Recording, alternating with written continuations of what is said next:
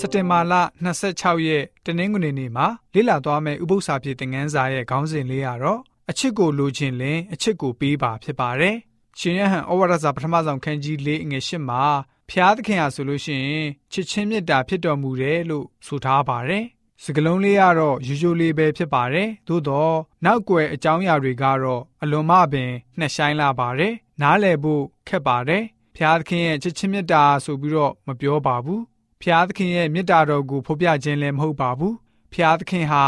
ချစ်ချင်းမေတ္တာတော်အကြောင်းကို ပြသနေတာလည်းမဟုတ်ပါဘူးဖျားသခင်ကချစ်ချင်းမေတ္တာဖြစ်တယ်လို့သာပြက်ပြက်သားသားပြောထားတာဖြစ်ပါတယ်ချစ်ချင်းမေတ္တာဟာဖျားရှင်ကို ပေါ်လွင်နိုင်သမျှပေါ်လွင်အောင်ဖော်ပြနေတဲ့ပုံဖြစ်ပါတယ်အပြစ်တွင်နဲ့ကြဆင်းနေတဲ့လူသားတွေဟာ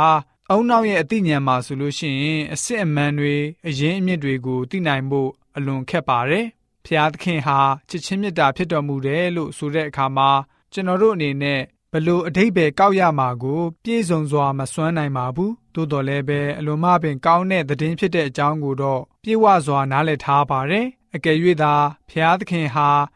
ချစ်ချင်းမေတ္တာတော်အစားမှာဖျားသခင်ဟာအမုန်းတရားဒါမှမဟုတ်ဖျားသခင်ဟာ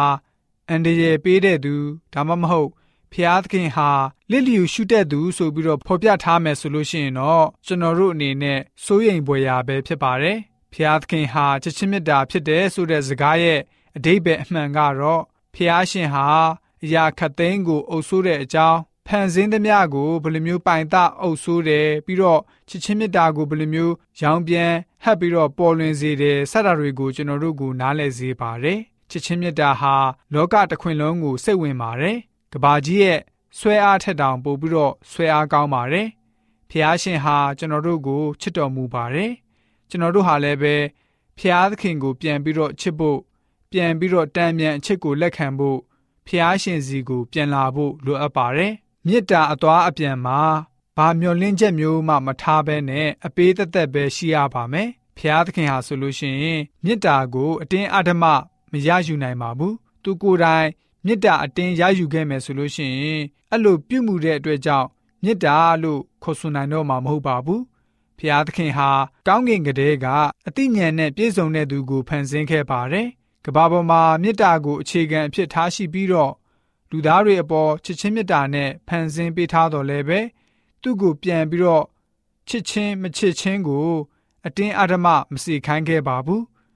အချို့တို့ဟာဆိုရင် ဖျားရှင်ကိုပြန်ပြီးတော့မချစ်ကြပါဘူးအဲ့ဒီအချိန်ကစပြီးတော့မဟာတိုက်ပွဲလို့ကျွန်တော်တို့သတ်မှတ်ထားတဲ့အမှားနဲ့အမှန်လွန်ဆွဲပွဲဟာဆိုလို့ရှိရင်စတင်ခဲ့ပါတယ်ဟိရှယအနာဂတိကျမ်းခန်းကြီး14ငွေ7ကနေ14ယေဇကျေလအနာဂတိကျမ်းခန်းကြီး28ငွေ7ကနေ19ဗျာဒိတ်ကျမ်းခန်းကြီး7ငွေ9တို့ကိုဖတ်ပါမယ်။အိုးနန္နသားမိုးတောက်ကျဲတင်းသည်ကောင်းကင်ကကြလေပြီတကား အပြည်ပြည်တို့ကိုနှိပ်စက်တော်တင်းသည် မြေတိုင်အောင် ခုတ်လဲခြင်းကိုခံရလေပြီတကားတင်ကလည်းကောင်းကင်ဘော်သို့ငါတက်မည်ဖျားသခင်ဤကျဲတို့အပေါ်မှာငါပလင်ကိုငါချီးမြှောက်မည်မြောက်မျက်နာဘက်ဗျာဒိတ်တော်တောင်ပေါ်မှာငါထိုင်မည်မိုးတိမ်ထိတ်တောင်ပေါ်သို့ငါတက်မည်အမြင့်ဆုံးသောဖျားကဲ့သို့ငါနေမည်ဟု စိတ်အကြံရှိလေပြီအချင်းလူသား တူတူရှင်ဘရင်အတွက်မြည်တမ်းသောစကားကိုမှွက်၍အရှင်ထာဝရဘုရား၏အမိန့်တော်ကိုဆင့်ဆိုရမည်မှာတင်သည်ထူးဆန်းသောတစိ့ဖြစ်၏ပညာနှင့်ပြည့်စုံ၍တင့်တဲ့ခြင်းအတရေလဲဆုံးလင်လျက်ရှိ၏အေဒင်အရက်ဘုရားသခင်၏ဥယျင်တော်၌နေပြီးတင်၏ခေါင်းပေါ်မှာကြောက်နေဥဒဖရာစိန်မြက်ရွဲကြောင်ငကတွက်နီလာမြဗဒမြအစရှိသောကြောက်မြက်အမျိုးမျိုးတို့ကိုစောင်းလေ၏ ရွှေဖြင့်လုပ်သောပတ်သားပလွေတို့သည်လည်းတင်ဖွာသောနေ့၌ပင်တင့်အဖို့ပြင်ဆင်လျက်ရှိကြ၏တင်သည်ဖြန့်၍လွှမ်းမိုးသောခေရုဗိမ်ဖြစ်လျက်ငါအခွင့်နှင့်ဖျားသခင်၏တန်ရှင်းသောတောင်ပေါ်မှနေရာကျ၍မိတောက်သောကြောက်တို့တွင်တွာလာရ၏ဖွာသောနေ့မှစ၍တင့်အပြစ်ထင်ရှားသောနေ့တိုင်အောင် ပြုလေရာရာ၌စုံလင်လျက်ရှိ၏တို့ရာတွင် ကုံသွဲခြင်းများပြားသောအဖြစ် အာဓမအမှုတို့နှင့်ပြည့်စုံ၍ပြစ်မှားသောအပြစ်ရောက်လေပြီထို့ကြောင့်ဆိုးရုပ်သောသူကဲ့သို့တင့်ကိုဖျားသခင်၏တောင်းတော်ဘော်ကငါနှင်ထုတ်မည်။အိုးလွှမ်းမိုးသောခေရုဗိန်